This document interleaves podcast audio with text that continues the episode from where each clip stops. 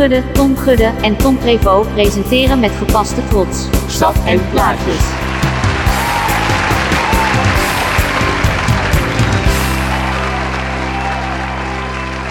Welkom terug eh, bij onze bonusaflevering. De aflevering na aflevering 2. We hadden eigenlijk nog een ander stukje wat we toch wel wilden bespreken. Nu zeker in de tijden van eh, wat meer leegte en... eh, Ja, ja, sorry, maar ook de, de, de tijd van eh, dat we nu toch wel echt weten dat eh, ik dit jaar de Strokes niet op de Best Kept Secret ga zien. nee, dat klopt. Ja. Mijn Facebook staat vol met tags van mensen die dan zeggen... hey, ik ga nu de komende tien dagen mijn beste tien platen op eh, Facebook. En dan het liefste met cover zonder toelichting. ja. Of inderdaad eh, de platen die mij gevormd hebben. Precies, En ik, en ik, ja. tagde, ik tagde er iemand in die ik dat vind ook dat zulke onzin, hè? Mag ik dat Nou ja, maar jij werd dus getagd. Ik ben, ik ben, ik ben afgelopen week ook een keer getagd. En ik stuurde terug. Leuk. Luister maar naar deze aflevering. Oh, dat is wel goed. Ja. Nou ja, en toen zei jij van... het is misschien wel leuk om dat toch te doen. Ja, ik vind het gewoon leuk om erover te praten, maar Ja. ik, eh, Ja. ik ga niet zo'n nutteloze Facebook-post Eh, nee. Echt verschrikkelijk. We gaan drie albums bespreken Ja. van één persoon. Ja. We hadden het idee om het, eh, zeg maar, van wat jong naar niet te oud, maar iets ouder Ja. eh, te gaan. Ik zet even mijn rollator aan de kant. Ja. Ehm, Dus dat betekent dat we bij jou gaan beginnen. Tom Gudde, 25 jaar. Je kan dus wel stellen dat ik de afgelopen 10 jaar eigenlijk eh, mijn smaak heb gevormd. Ik, zeker, zeker in het begin daarvan is dat heel intens geweest. En ik heb eigenlijk wel drie albums kunnen zeg, eh, bij elkaar kunnen zetten waar ik denk... Nou, die hebben toch wel echt me gevormd eh, in wat ik ben. En dat het ook steeds meer werd wie ik ook ben. Dus wel echt interessant. Oké. Oh. Waar wil je mee beginnen? Nou, ik wil beginnen bij eh, de eerste plaat die ik heel veel heb geluisterd. ehm, die ik ook op CD had. En die mij ook als muzikant zijnde eh, heeft beïnvloed. Ik eh, drumde vroeger. Ik heb negen jaar op drummen gezeten. Eh, samen met mijn neef. En eh, dat was eigenlijk heel tof. Eh heb ik heel van geleerd. En in die tijd luisterde ik heel veel de Red Hot Chili Peppers. Ehm, eh, en eigenlijk had ik één plaat. En dat is ook de plaat geworden. Stadium Arcadium. Die ik toen heel veel luisterde. Een dubbel Oh ja. album. Gigantisch veel materiaal zit erin. Ja.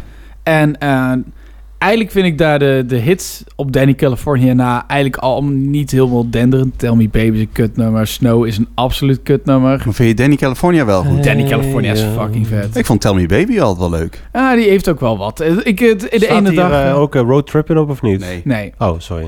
Nee, maakt niet uit. Maar, Ja, ik eh, heb het album ook eh, deze, maar ik, ik- die, die vind ik ook wel wel... eh, maar het is een album met... Het is een heel breed album. En er gebeuren heel veel gekke dingen in. Er zit ook een... eh, wat, we wilden denk ik ook wel wat luisteren. Zeker, absoluut. ja, ja, tuurlijk. ja, ja. Ehm, er zit eigenlijk aan het einde van de plaat zit een nummer. Dat heet eh, volgens mij Do It Again. Volgens mij. Of Turn It Again. Turn It Again heet die. Dat was het eerste nummer wat ik luisterde. Waar ik eigenlijk wel besefte van... Oh, dit is echt kicken. Dat was echt zo'n riff aan het einde. En die wordt geoverdubbed en geoverdubbed. En er komen steeds meer gitaren bij. En dat vond ik als kind echt zo intens.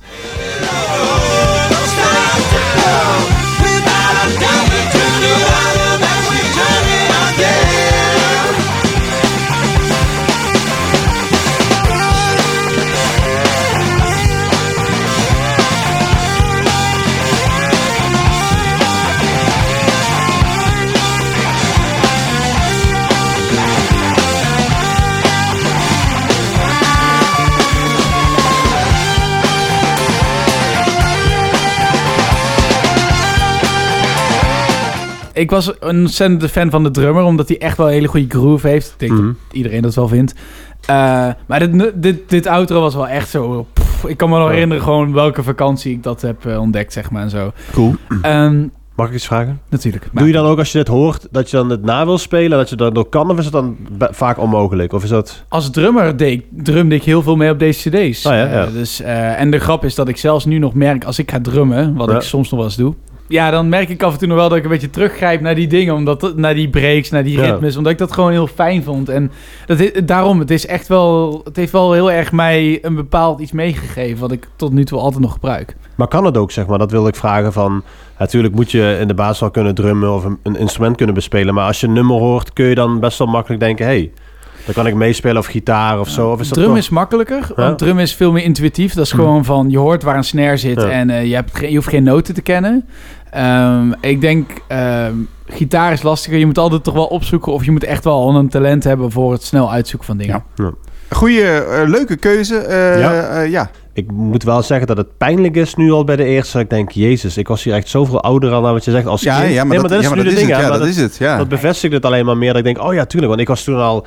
Ik denk dat ik toen al eh, acht jaar naar Pinkpop ging of zo. Dat, ik- dat, dat ik dit zag. En dat ik, Hij is al vier Heb keer jij die- geboekt als headliner. Heb jij die show van Pinkpop ook gezien? ja, die heb ik ook gezien inderdaad. Ja, die Daarom, toen, ja. eh, die kan ik me nou wel herinneren, ja. Op tv, vond ik vet. Ja. Ja. Ja, precies. Maar dat bedoel ik. Dat, dan, dan merk je weer van, ah ja. Nee, maar ik Ja. begrijp het ook wel. Ja. Ik wil inhaken op Pinkpop. Want Pinkpop, eh, hoe hard ik dat festival ook soms aanval met gestrekt been... eh, hoe hard ik eh, de baas van het festival soms een beetje belachelijk maak... heeft Pinkpop wel mijn leven veranderd, denk ik. Eh, en dat... Zonder Oh. dat er te dramatisch te maken. wat ik Nou, daar gaat een muziekje onderkomen. Nou kijk, er was dus een tijd dat ik Linkin Park luisterde. Hmm. Eh, en er was, een, was een, een jaar waar Linkin Park op Pinkpop stond. En ik weet nog wel dat ik toen natuurlijk weer naar, op tijd naar bed moest. Maar ik had een klein tv op mijn kamer, een kleine tv op mijn kamer. Daar mocht ik natuurlijk eigenlijk, toen- als ik ga slapen, niet meer op kijken. Nee. Maar wat doe je dan? Je gaat kijken. En eh, ik wilde altijd... Ik wilde in ieder geval gewoon die Linkin Park show zien. En die, en die Pinkpop uitzending was bezig. Dus ik was steeds maar gewoon eh, allemaal door cut acts aan te kijken. Om maar te kijken of Linkin Park eh, er was. Nou, Linkin Park is uiteindelijk nooit uitgezonden. Want die klootzakken die deden dat nooit. Nee, dat klopt inderdaad. Ehm, Ik was erbij. Jij was erbij. Ja. Nou, het maakt me niet meer uit inmiddels. Nee, precies. Maar toen ben ik wel op een andere band gekomen. Ik weet echt nog precies hoe dat er. Ik weet nog precies hoe dat in de uitzending zat. En eh, dat het ging over een man die een schilderij aan het maken was. En opeens kwamen ze bij het schilderij Muse. En hij zei: Ja, dit was een heel bijzonder schilderij wat ik heb gemaakt. En toen zei hij: Nou, ga zelf maar luisteren of het zo is. Zoals het. En toen zoomden ze in op dat schilderij. Toen kwam er dus een eh, video. Je kan hem opzoeken op YouTube. Het is eh, Supermassive Black Hole op Pinkpop 2007. Ik weet het beeld ook nog voor me. Het, eh, het is Matthew Bellamy met, die met dat rode pak aan Ja. en die glittergitaar en dat touchpad. En het was voor mij... De, nog, ik had dit nog nooit gezien in mijn leven gewoon.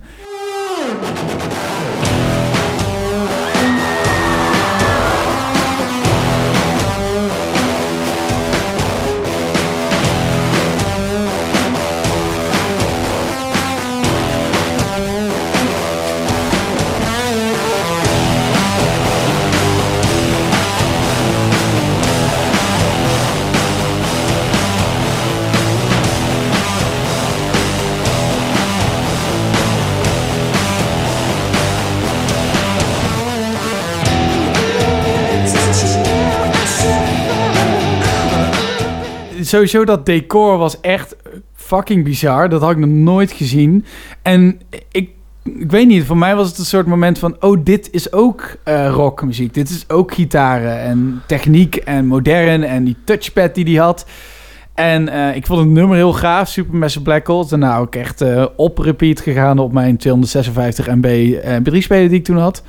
Ehm, ja, dit was gewoon voor mij echt wel het moment. En de- dus de plaat eh, uiteindelijk die daarbij hoorde was Black Holes and Revelations. Dat was dan de plaat die ik toen uiteindelijk heel veel heb geluisterd. En eh, mij een eh, ontzettend fan van Muse heeft gemaakt voor een paar jaar. Muse was natuurlijk al lang, langer bezig. Je had al vier platen uitgebracht. Ja, ik weet trouwens ook nog dat ik eerst... Ik heb gigantische fout toen gemaakt. Want jij was al eerder, heb jij mij proberen eh, eh, aan te, bij Muse neer te zetten. Is dat van, zo? Ja, dat je zei, joh, jij vindt Muse wel vet. Maar ik zei, nee joh, Muse is een kutband. Waarom zei ik dat?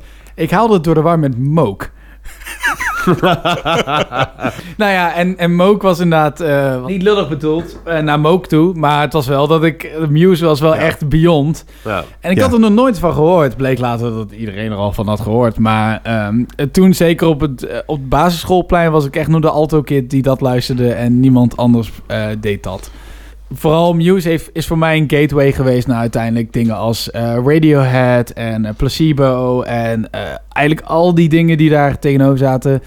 Eh Millionaire, de, de Vlaamse band Millionaire ook.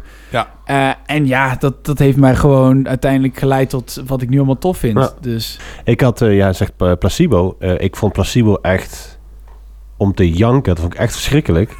en toen stond ik dus op Pinkpop en toen begon placebo te spelen. Ik ja joh, weet je, het is goed. eh. maar ik ging zitten en toen vond ik het echt super tof. En sindsdien heb ik het al eh, ben ik het wel Ja. gaan, gaan waarderen. Ik vind nog steeds wel, het is niet dat ik, het is niet mijn fa- een, een favoriete band, maar dat was toen met die Kitty Trey. eh, Oh, dat vond ik wel een leuke, een goede plaat hoor. die vond ik, die Battle vond ik tof, ja, precies. Ja. Ja. dat vond ik wel, eh, toen ik dat hoorde, dacht ik, hey, het is toch wel een leuk bandje eigenlijk. eh, ja. Nee, maar Placebo is voor mij, die had ik er ook nog wel in kunnen zetten. Eh, het, is, eh, het, is een, het is een beetje extra, het is een beetje feminine, maar dat vind ik juist ergens wel heel cool. Ja. Eh, ja. Goeie, nou, leuke keuze. Die had ik wel voorspeld, denk ik. Ja, dan, en dan kiezen we dan voor Black Holes and Revelations als plaat dan, hè? Ja, dat is wel daarna, eigenlijk alle platen daarna zijn steeds minder geworden en de laatste is lachwekkend. Dus eh, eh, we gaan door naar mijn laatste plaat. De plaat die uiteindelijk mij, eh, waar ik ook weer had van, oh, dit, kan, dit is ook zo wat. Dit is ook weer iets anders dan wat ik hiervoor heb gehoord. Ja. En eh, ik weet nog heel goed, we zaten in eh, Amerika in een auto, de eerste keer was het volgens mij. En eh, Ja. we hoorden op een radiostation opeens het nummer Elephant van Tame Impala. Ah ja. De- en dat, dat, dat ronkte nogal goed daar. Zo dat toen, toen, toen. En ik weet nog heel goed dat jij toen tegen me zei... Oh ja, Tame Impala, ja, dan moet je nog eens luisteren. Zo, dat zei je echt als throwaway line. nou ja, terug van vakantie, opgezet. en nou, eigenlijk Elephant vind ik een leuk liedje. Maar uiteindelijk stond er een ander nummer op die tweede plaat van Lonerism. De plaat die mij echt wel heeft aangetrokken tot die band. Ja. En dat was ehm, Nothing That Has Ever Happened Has Been Anything We Could Control. Dat is een volledige eh, titel daarvan. Er zit een moment in, ergens halverwege, dat moeten we straks even luisteren. En dat moment was voor mij een soort van... Wow, what the fuck gebeurt hier? Dat is namelijk het moment dat hij eh, besluit de hele, de hele mix over een phaser te zetten. Dat is echt, dat is echt trippy as fuck. En dat kende ik eigenlijk nog niet. En ook niet dat eff- effecten werden wel gebruikt, maar altijd een beetje op de achtergrond, een beetje van, ja, doe maar rustig.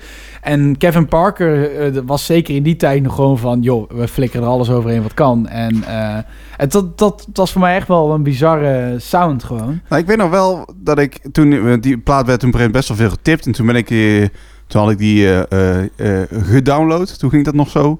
En toen ging ik die luisteren. En die openingstrack was zo'n raar nummer. Ja, dat is een raar nummer. En dat, eh, toen, want ik kende dus Elephant. Toen dacht ik, oh, dat is leuk. En eigenlijk heeft dat ook lang ervoor gezorgd, of in ieder geval eh, zeker een tijdje, dat ik die plaat alleen maar puur Elephant luisterde. Omdat ik dacht, ja, die rest, dat kan ik echt weinig mee. Ja, dat Got It Be Above It is Ja. dat. Jezus, wat een raar nummer is dat. Maar we gaan luisteren naar jouw keuze. Ja.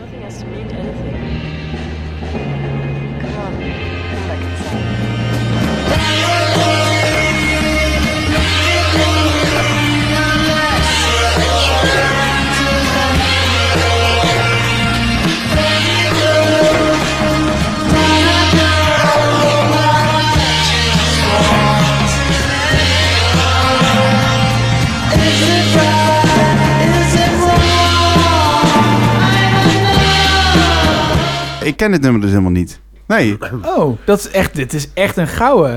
ik heb nog een keer een live plaat gekocht eh, van Tame Impala tijdens Record Store Day. Die was ook niet ge- goed gecentreerd. Dus, Oh, die, is waar, ja. dus Tame Impala is natuurlijk al met die phasers en zo, is al een beetje woe, woe, woe. Nou, dat ding was dus nog veel erger. De eerste keer denk je, zo, wel eh, heftig. maar ja, je hoort gewoon bepaalde dingen, klopt helemaal niet. Dus op basis daarvan ben ik op een gegeven moment bepaalde nummers gaan terugluisteren ook. En dan denk je, oh ja. Maar ik moet zeggen, ik, ik heb Impala altijd eh, live interessanter gevonden dan op de plaat. Oh nee, voor mij niet. Maar... Ik denk dat Tame Impala uiteindelijk wel het experimenteren van geluiden wel heeft, eh, heel erg heeft beïnvloed. Dat ik uiteindelijk echt dacht van, oh, dit is echt waar ik... Ja. Hier was ik ook wel wel iets ouder toen dit uitkwam. Ja. Maar voor mij was dit wel een soort van...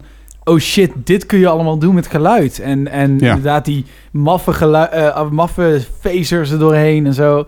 En eh, ja, nu maak ik zelf natuurlijk veel muziek, neem ik zelf veel op. En is die mindset van als iets gewoon vet is, maar het is compleet verkeerd opgenomen, maar het is wel vet. Dat ge- gebruik ik zelf heel veel. Nou, dankjewel. Leuke Mooie keuzes. keuzes, Leuke ja. keuzes. Eh, ja. We voegen ze ook toe aan onze Spotify-lijst. Oh ja. Vol, eh, volg, eh, volg ons daarop.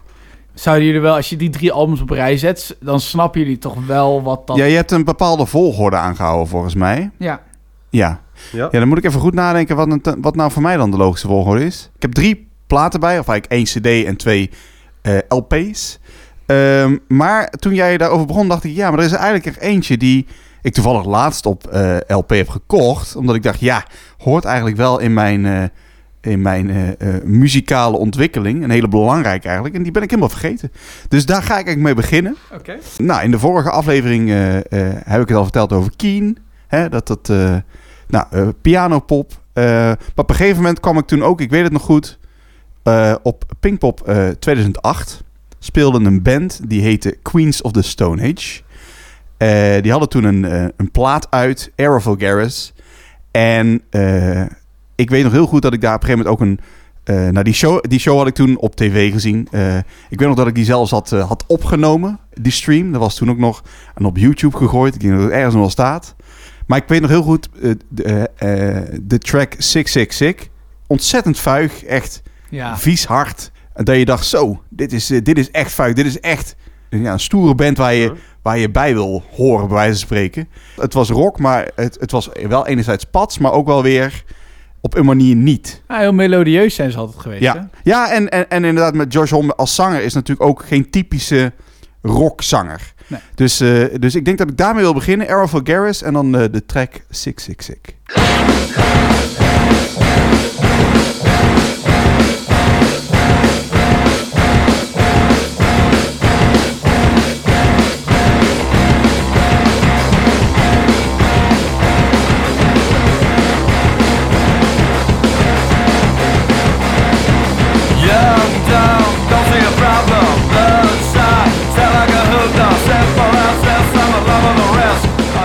En nou ja, eigenlijk een beetje vergelijkbaar met wat jij had bij Muse natuurlijk. Eh, Queens of the Stone Age was al eh, heel lang bezig. Had misschien hun beste plaat zelfs al gemaakt.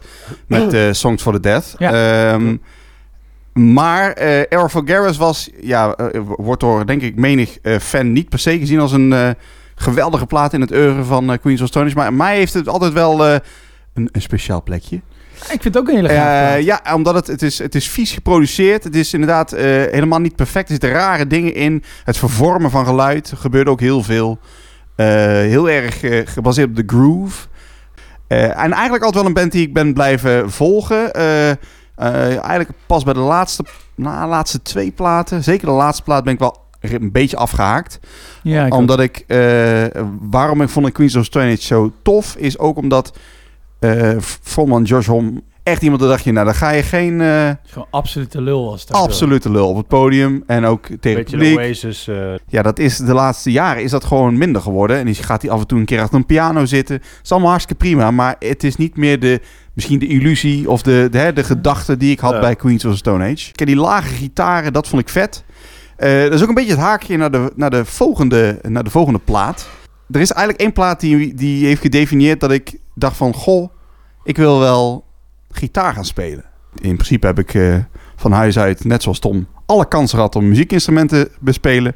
Ik wilde dat vooral niet. Eh, want Waarvoor ja, dank, want daardoor kon ik alles. ja, ja, precies. Tom ging drummen. Nou, ik mocht ook alles doen. Ik heb alles geprobeerd zelfs. Hè. Dan kon je allerlei muziekinstrumenten proberen.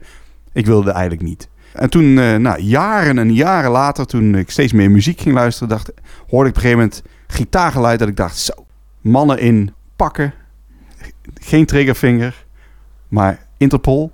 Ja, die zat eraan En, eh, en ik heb de CD, ik heb hem grappig genoeg niet op vinyl, maar ik heb wel een special edition van de CD gekocht in Amerika. Deze had ik serieus gegokt al bij jou. Turn on the bright lights. Turn on the Bright Lights van eh, Interpol. En eh, laten we dan even luisteren naar PDA.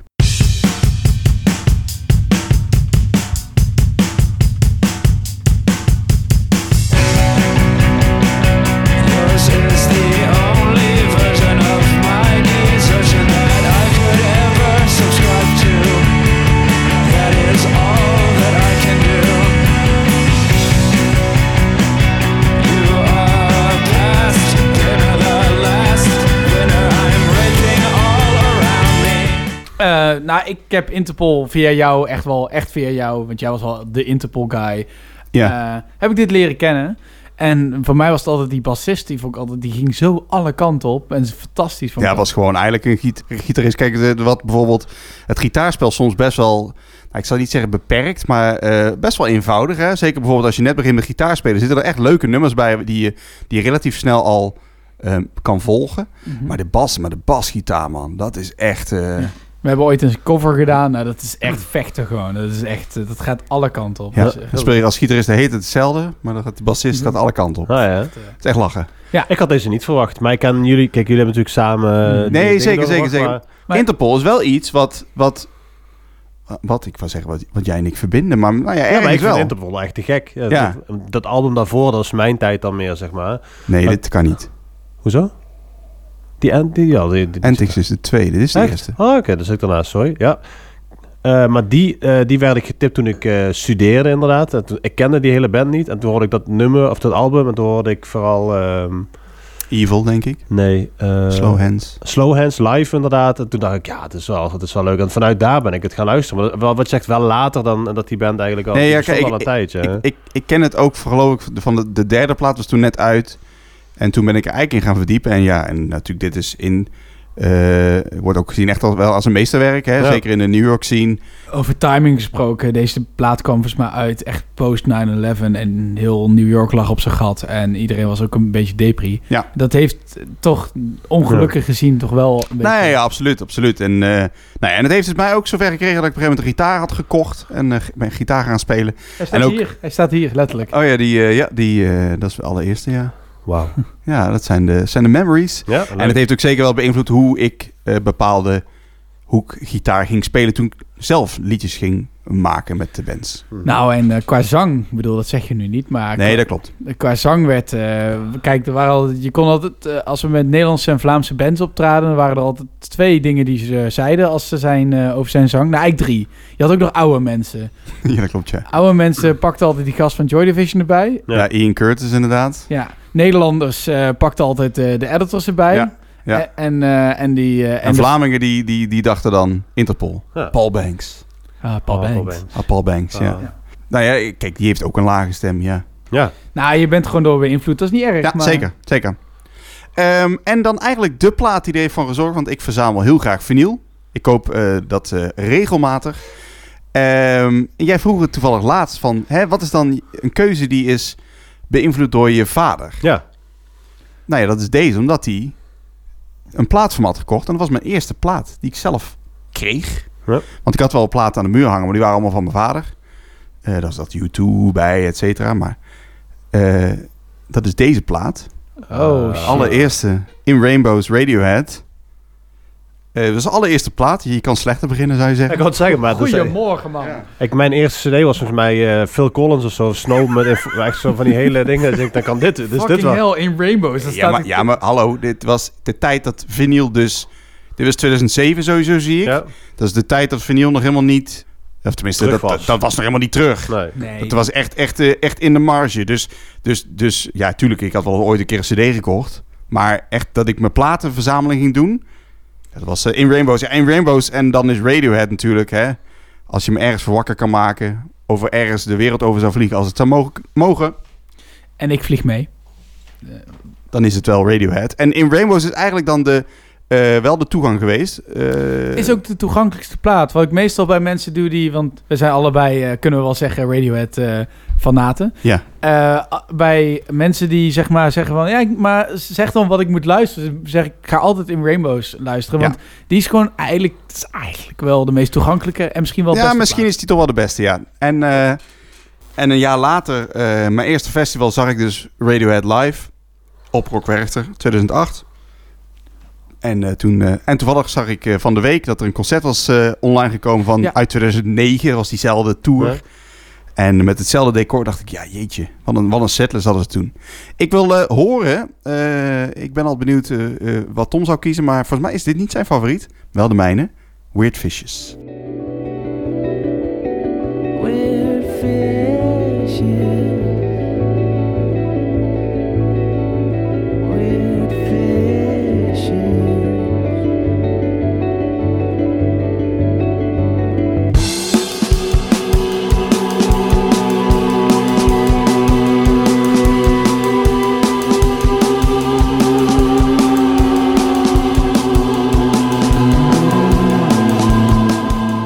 En wat natuurlijk heel bijzonder was bij deze plaat, Hm. was dat die eh, aangeboden werd op het internet. Nou, dat bestond natuurlijk toen al wel. Ja. Maar ze zeiden, ja, Hoeveel geef je ervoor? Oh, dat was deze... Ja, ja, dat heb ik al meegekregen, Ja. maar ik wist niet dat dit album was. Oké, ja. hoeveel, hoeveel geef je ervoor? Dus geef je nul. Prima, hier is een download. Ja. Geef je de 10 dollar. Echt briljant. want Ja, ze hebben de, en dat was baanbrekend. Ja. Baanbrekend.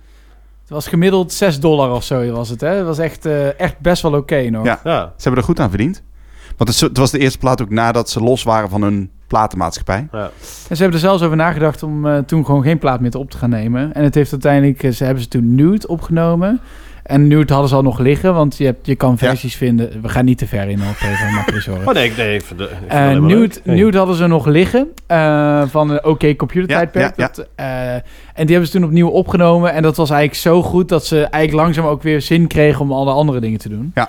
En eh heeft Ed O'Brien laatst allemaal een interview over gedaan. Want hij is, weer, hij is nu aan het... eh, Ja, ja, hij heeft ook net een plaat uitgebracht. Ja. Dus, dat, eh, dus ja, Radiohead, eh eh Werchter 2008. eh, ja, de beste herinneringen. Wauw. Ja, Radiohead concerten, jongen. Goedemorgen. Alleen die in de Ziggo Dome, daar heb ik echt weinig herinneringen aan eigenlijk. Heel gek. Ik heb wel minder dan aan de laatste twee Die bijvoorbeeld. waren fantastisch. Zo, die op Best Kept Secret was wel echt... Ja. Dat was wel, die kijk ik gewoon af en toe nog steeds terug, hè? Gewoon die... die Ja, ja ik, heb ook, ik heb ook ergens nog een hi- Ik was high erbij, quality ik was download. Je ging eten halen, man. Nee, helemaal niet. Het was op. Ja, dat is nog steeds. Ik bedoel, het was een van de beste momenten uit mijn leven en jij was eten aan het halen. Maar ik was er wel bij. Er kunnen weinig mensen zeggen die Ja, bij dat- jou waren tijdens het concert. Ja, dat, dat is waar. Heel, Ja. Merendeel van de mensen was er niet bij, Ja. dat klopt.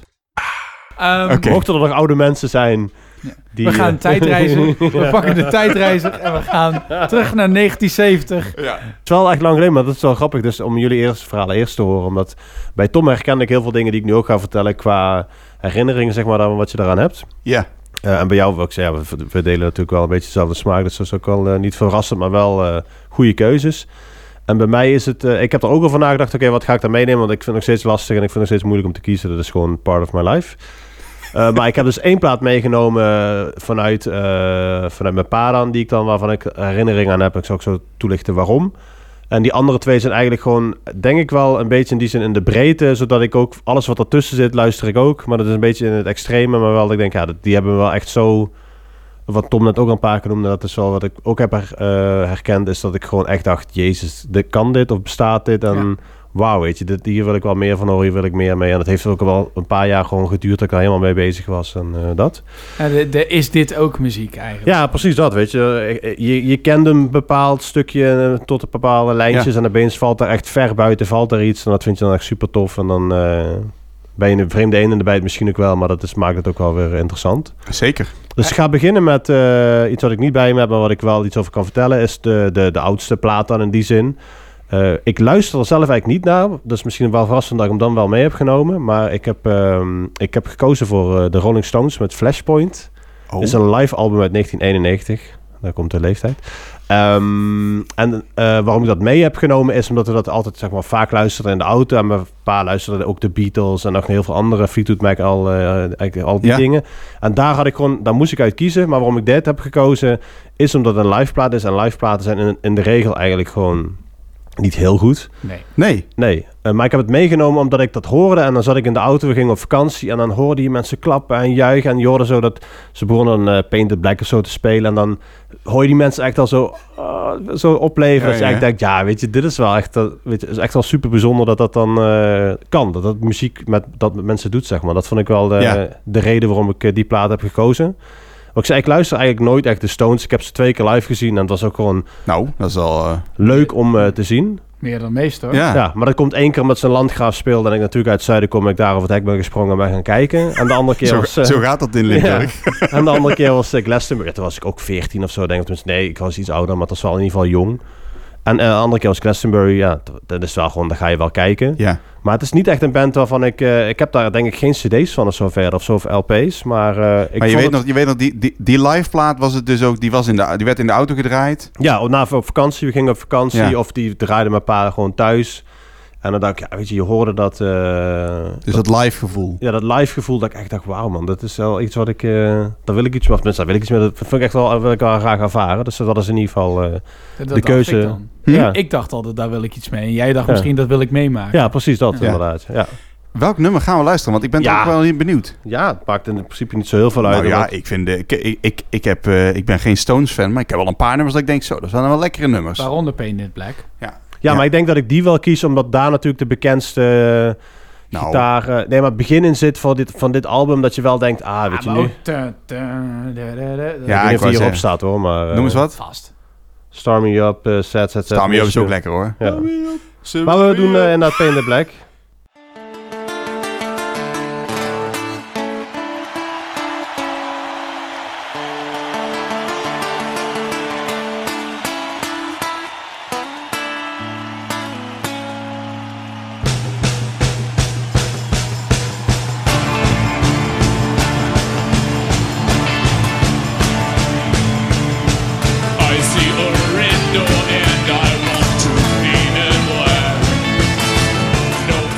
De keuze waarom ik dit heb gemaakt is gewoon puur eh, de, het live gevoel en... eh, Nou ja, wat ik al zei, eh, de, de, het publiek zit er aardig, aardig aanwezig in. Ja. Dat, eh, Ja, het, het, het geeft wel goed de sfeer weer. maar Ik was tien hier, is- hè, dus even voor de goede orde. Nee, Dus nee, in dat ieder geval weet dat je Nee, weet... dat- Nee, nee, maar dat gewoon dat je weet van... Je bent klein en je hoort het en je denkt... Zo, weet je wel, echt... eh, ja, nee, maar ik bedoel, de Stones was natuurlijk gewoon to- toen al, ja, al, al een eh, legendarische band. Ja. Dat, kijk, dat ze nu vandaag de dag nog steeds optreden, is natuurlijk eh, een godswonder. Ja, zeker. wel, Want je deed even de drummer na, had ik het idee. Maar ja, die moet zich nog...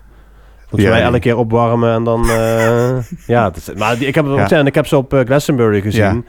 Ja. en dat was... Ja, wat je zegt, het is echt geen goede live band. Nee, maar het het is is wel... geen goede live band. Het, is, het zijn de fucking Stones. Maar dat is het, weet je. En daarom, maar je ziet Nee, die drummer zeker. van... Die drummer is echt wel nog van iedereen wel dat je echt denkt... Zo, eh, hopelijk redt hij het volgende nummer nog, zeg maar. Ja, maar echt, het is helemaal geen ding of zo verder. Maar echt, ja, zo zit hij er ook wel bij. eh. Nee, ja, zeker. Ja, het is een stokoud, man. Eh, ja, dan gaan we wel. Ik ben vooral, ik heb vooral dingen meegenomen van nou, wat ik al zei met live gevoel, omdat dat voor mij echt wel eh, mij gevormd heeft in die zin dat ik allemaal naar Ja. concerten ben geweest, naar festivals ben geweest.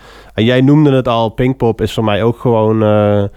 Thuiskomen. ja, maar ja, dat was voor mij gewoon de straat oversteken, letterlijk. Het was voor mij 10 minuten lopen, dus dat is ook de reden waarom ik er 18 keer ben geweest of zo toen, eh, heel vaak achter elkaar.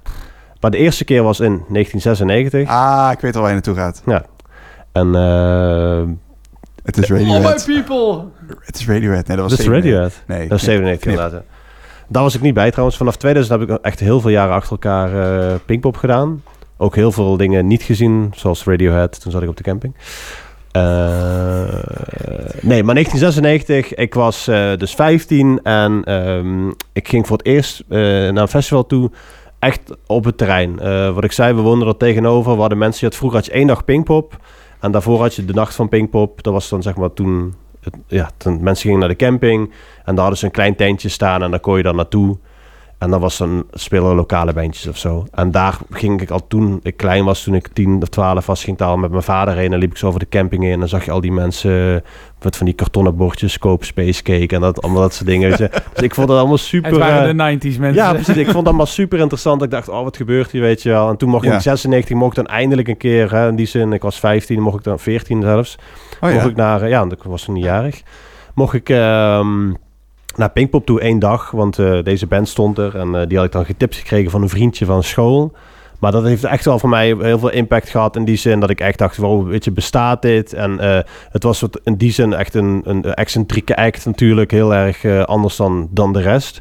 En dat sprak me dan in die tijd ook gewoon enorm aan. En vooral de dingen die daarna zijn gekomen, vond ik nog steeds echt super interessant. Maar daar zal ik dadelijk al meer over vertellen. Ik heb het natuurlijk over de Prodigy. Eh, ze kwamen in 96 met het album uit wat, eh, waar ze echt mee doorbraken, The Fat of the Land. Maar het album wat ik gekozen heb is echt wel een, eh, volgens mij wel een tweede album, niet zozeer een, eh, een eerste.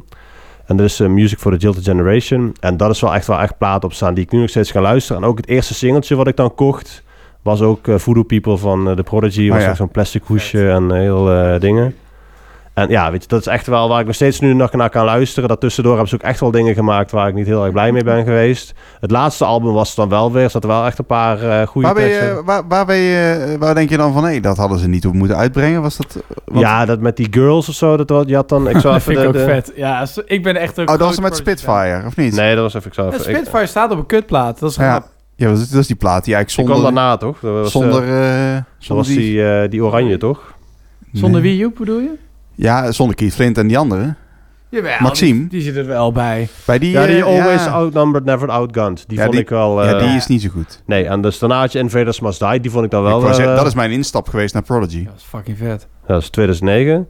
en toen had je de Days, maar Enemy vond ik ook niet zo heel interessant. Met die, Die heeft Tom op vinyl. Die heb ik op vernieuw. Ja, die vond ik ook niet zo heel eh, dingen. mag. en No Tourist vond ik dan wel weer, stond de Light Oh, Up the. Sky en zo. Oh, was echt zo goed. Ja, eigenlijk ja, dat was wel, eh, was wel goed. Maar goed, het eerste album was dan Experience. En dan de tweede was dan Music for the Jilted Generation. En dat is, ja, dat is wel echt wel mijn ontdekking in ieder geval voor muziek. En ook wat jij heel erg eh, zei, je komt voor het eerst op een festival en je ziet de Prodigy staan. Daar stonden, ik weet niet hoeveel toen, maar misschien 40.000 man of zo. En ik, ja, ik, was, ik voelde me nog een klein jongetje. En dat Zoals allemaal, Jan Smeet zou zeggen trouwens, uitverkocht. Ja, sowieso uitverkocht. sowieso. Ik, ik hoor wel veel Pinkpop trouwens. Maar dat is wel bijzonder, maar dat is wel gek. Oh, want we zijn, het- nee, ik we zijn zeggen, best want- wel ja, eh, altijd dat, eh, haat. Dus we hebben vaak tegenwoordig Ja. wat mindere woorden. Maar ik heb heel veel, wat ik al zeg, heel veel edities daar doorgebracht. Maar dat komt omdat het een thuiswedstrijd was. Ja. Maar ik heb daar wel echt wel gewoon veel goede herinneringen aan. Ook rondom dit. Want ik heb hier nog steeds wel, als ik dit eh, hier aan terugdenk, kijk ik nog steeds kippenvel. Omdat ik, ik zag iets, ik hoorde het voor het eerst. Live was waar, wat ik net zei met, eh, met eh, de Rolling Stones. Ik echt dacht, wauw, dit, dit is wat live is. Ze deden iets, het is nooit uitgezonden. Het mocht niet uitgezonden worden. Er staat blijkbaar een of ander videootje. Ja, ik heb, er- ik heb er iets gevonden. Ja. Ja, alleen uh, jullie, in jullie tijd had je gewoon YouTube. En dat is, dus toen had je dat niet. Dus daarna pas opgezet. Dus de kwaliteit is natuurlijk ook wel... Nee, kwaliteit is om te huilen Ja. inderdaad. Dus, Oh, eh, oh, ik heb eh, die Muse eh, Pinkpop, die had ik ook echt van een torrent of zo toen hoor. Dat was niet... eh, ja, dat klopt. Ja, dat ging toen ook zo. Ja. Ja. En wat ik dan wil horen... Want ik zei al, Voodoo People, dat was ook mijn single en de dingen. Maar die ga ik dan niet draaien. Ik ga dan toch voor No Good eh, Start a Dance. Want dat was ook mijn eh, MTV-tijd. Dat ik videoclips luisterde. En dan zag je hun muren slopen en dingen. Ja, het was echt... eh dat is mijn ding.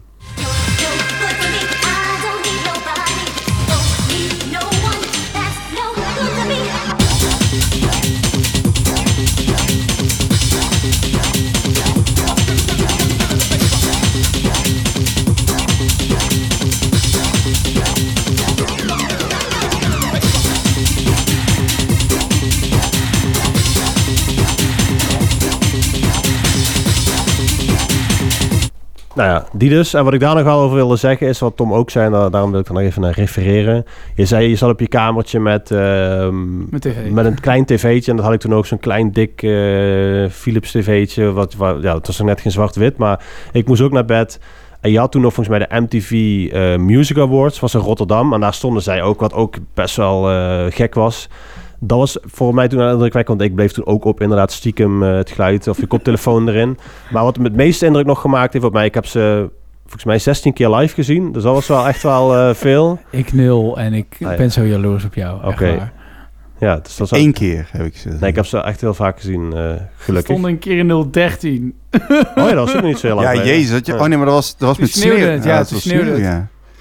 Eh, en wat ik dus daar nog over wil zeggen, is dat ze één keer een show hebben gedaan op MTV. eh was ook opkomende tijd. In Rusland was er nog helemaal geen, nou, als ik zo mag zeggen, popmuziek. Eh, en zij hebben toen een show gegeven als een van de eerste Europese acts op het Rode Plein. En daar kwamen 200.000 man naartoe. En dat, dat moest dan allemaal binnen eh, volgens bepaalde regels en alles volgens structuur. En volgens mij stonden de Stones daar ook een keer. En allemaal hele best wel... Metallica heeft ook gedaan. Ja, en toen stonden hun daar en toen dachten ze, ja, weet je, dit gaat echt totaal uit de hand lopen. En dat gebeurde ook, want eh, Maxime, eh, de, de, de schreeuw of de rapper, hoe je het wil noemen, die, ja, die ging echt recht voor een politieman staan. En ik zei, ik was echt nog klein en ik stond te kijken, ik denk, wat doet hij? En hij ging echt gewoon op, op een millimeter voor zijn gezicht staan en ging keihard dat nummer meezingen.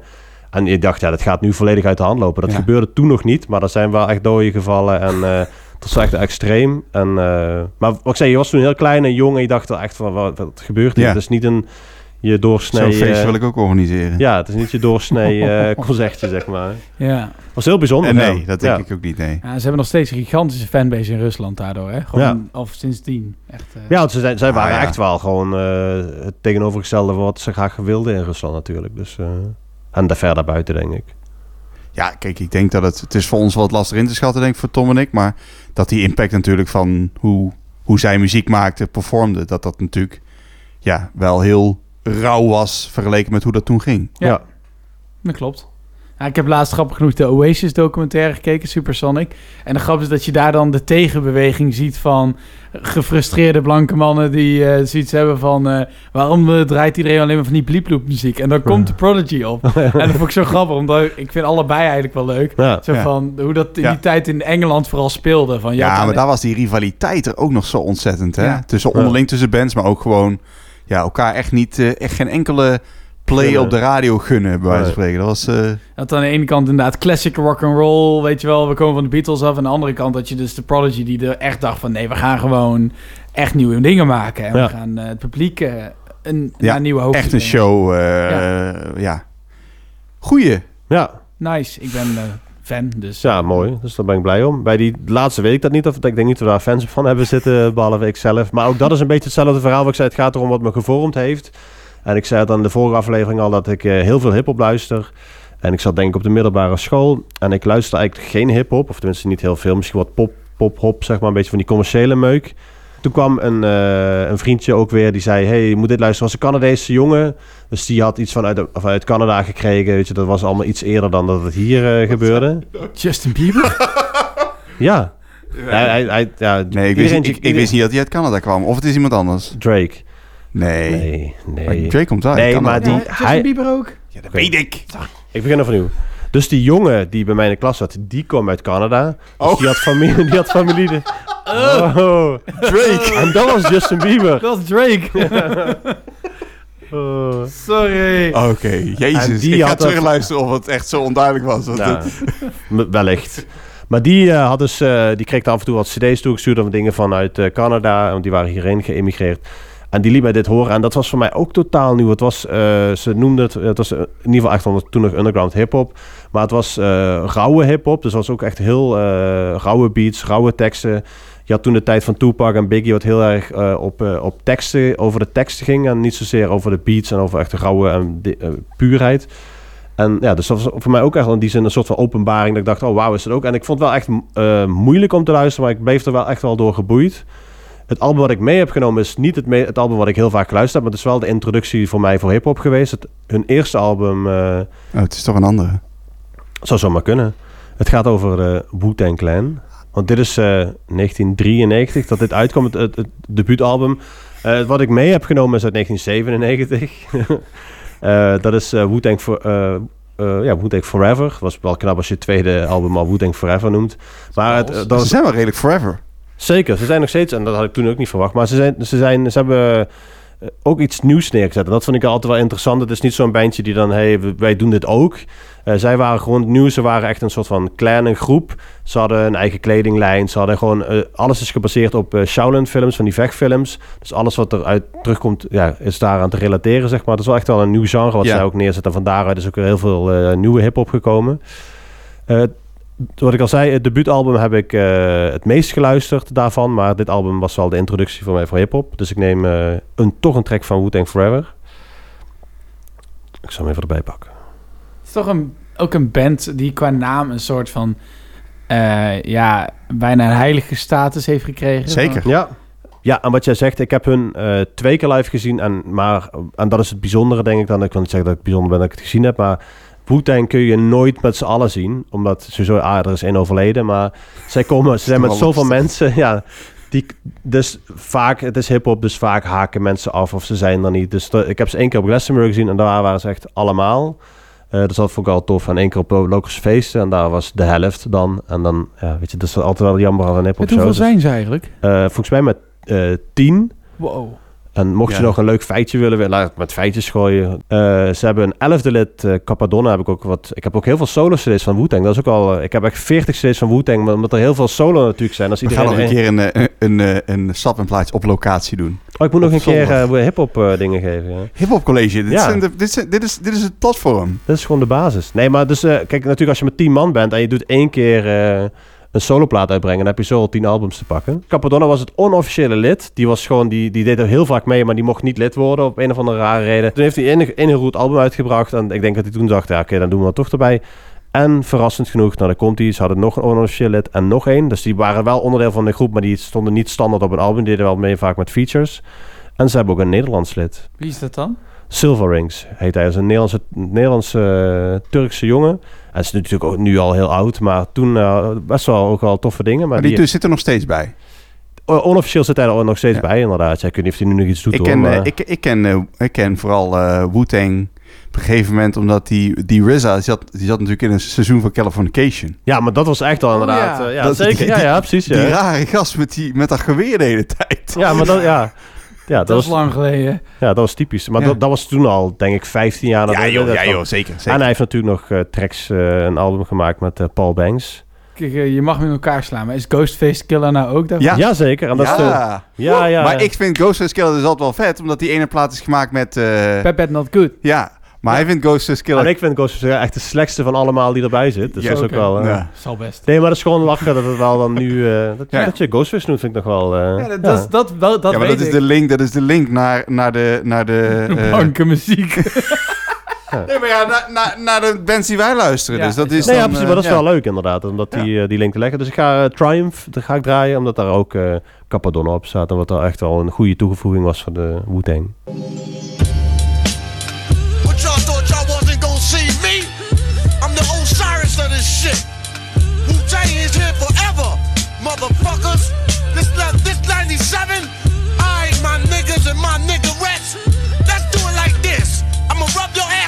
In moonshine. Let's take it back to 79. I bomb atomically. Socrates' philosophies and hypotheses can't define how I be dropping these mockeries. Lyrically perform armed robbery. Flee with the lottery. Ja, er zit trouwens helemaal geen refrein in, dat klopt, nee. Nee, dat, dat weet ik dan weer. Rick Ah. Rubin is eigenlijk de eerste persoon geweest die opeens... eh, dat is een producer. Ja, ja, die ken ik, eh, Ja, ja. natuurlijk. Hartstikke groot. Ja. Eh, die heeft opeens eigenlijk gezegd van... Ja, maar willen jullie met meer, meer doelgroepen eh, een connectie maken? Ja. Zal hiphop ook refreinen moeten introduceren? En dat, dat heeft hij bij... Oh ja. Nou, dat is Maar bij wie, bij, bij- bij- weet je nog met wie hij dan heeft samengewerkt? Onder andere Eminem en eh, een paar Ja, andere... zeker, ja, tuurlijk, ja. Oh ja, ja goed. Bij Ja. Eminem heeft, Eminem heeft al echt refreinen, ja. Ja, Nee, er zijn ook een paar andere. Ik ben even kwijt eh, wie dat allemaal zijn. Dan kun je opzoeken. Ru- Rick Rubin heeft met echt superveel mensen samengewerkt. je had een vraag. Ik had een vraag over de plaat. Want eh, hoe maak je met tien mensen een album? Ik vind het met vier mensen een album al moeilijk. Ja. En die hebben allemaal een hele duidelijke rol zelfs. Ja, en hier heb je tien rappers. Ja, maar ik denk dat de, de RZA in dit geval echt wel gewoon... Hij is de chef. En ik denk dat hij gewoon bepaald heeft en gewoon zegt... hey, dit is de beat en jij schrijft hier wat voor, jij schrijft daar wat voor. Dat hij, hij is altijd wel echt gewoon... De, die Ja, de, de ja, leider of de, de frontman dan geweest en wel bepaald heeft van... Hey, en Ja, dat- hij is er ook eigenlijk altijd bij, toch? Je hebt ja, precies. Je hebt er zeg maar, je hebt er vier die dan echt gewoon een soort van eh head zijn. En de rest komt er dan wel steeds een beetje meer omheen. Zoals Method Man is ook de bekendste, denk ik, van de hele Wu-Tang. In die zin, behalve de RZA werd bekend door... eh, Andere dingen te gaan Door doen. Californication, Ja. inderdaad. Eh, maar ehm en Method Man heeft in heel veel films nog gespeeld verder. En zo. Dus die is wat dat betreft wel de bekendste geweest bij, van deze hele... Ik vind Zibbit het beste. Ja. zit hij daar ook bij? Die zit er ook bij inderdaad. Die is eerst auto's gaan pimpen en daarna kwam hij eh, hierbij. Yo, dog. Oké, dat is wel oud. dit. West Coast hook you up with uh, some fat rims. Ik heb het laatst, eh, ik heb het laatst teruggezien. Pimp My Ride. Moet je doen. Dat is verschrikkelijk. Die Het moet echt- even, we hadden dus uh, eergisteren op, uh, op het werk hebben we gewoon, je moet kijken de, de meest ex, uh, extreme pimp, uh, pimp afleveringen daarvan. En dan zie je echt gewoon, dan heb je echt een half uur alleen maar de, de meest debiele dingen inderdaad. Dat is zo goed. Dat, uh, dan ga ik kijken. Ja, jouw introductie tot hip-hop. Ik denk dat het. Uh... Ja, dat is het inderdaad. Het was mijn, uh, echt mijn introductie tot wel meer de underground hip-hop. En de, ja. vanuit daar is het gewoon, ben ik gewoon heel veel hip-hop gaan luisteren. Van, uh, van alle kalibers en smaakjes en zo. Dus uh, daarover later meer. Nou, we zijn er doorheen. Ja, ik vond het super interessant. Ja, ik vond het ook echt leuk. Ja. Want ik dacht eerst van, oh, ik ben wel benieuwd. En uh, je denkt eigenlijk van, uh, van veel al te weten. Dat je denkt, oh, die, die komt daar mee of die neemt dat wel mee. Ja, maar ja, ja. Dat, dat verrast dan toch nog wel. Zit er ja. toch nog wel uh, ja, goede Ja. keuzes. Ik vond het uh, leerzaam. Ik hoop jullie ook. Tot uh, Ik hoor niks van de volgende.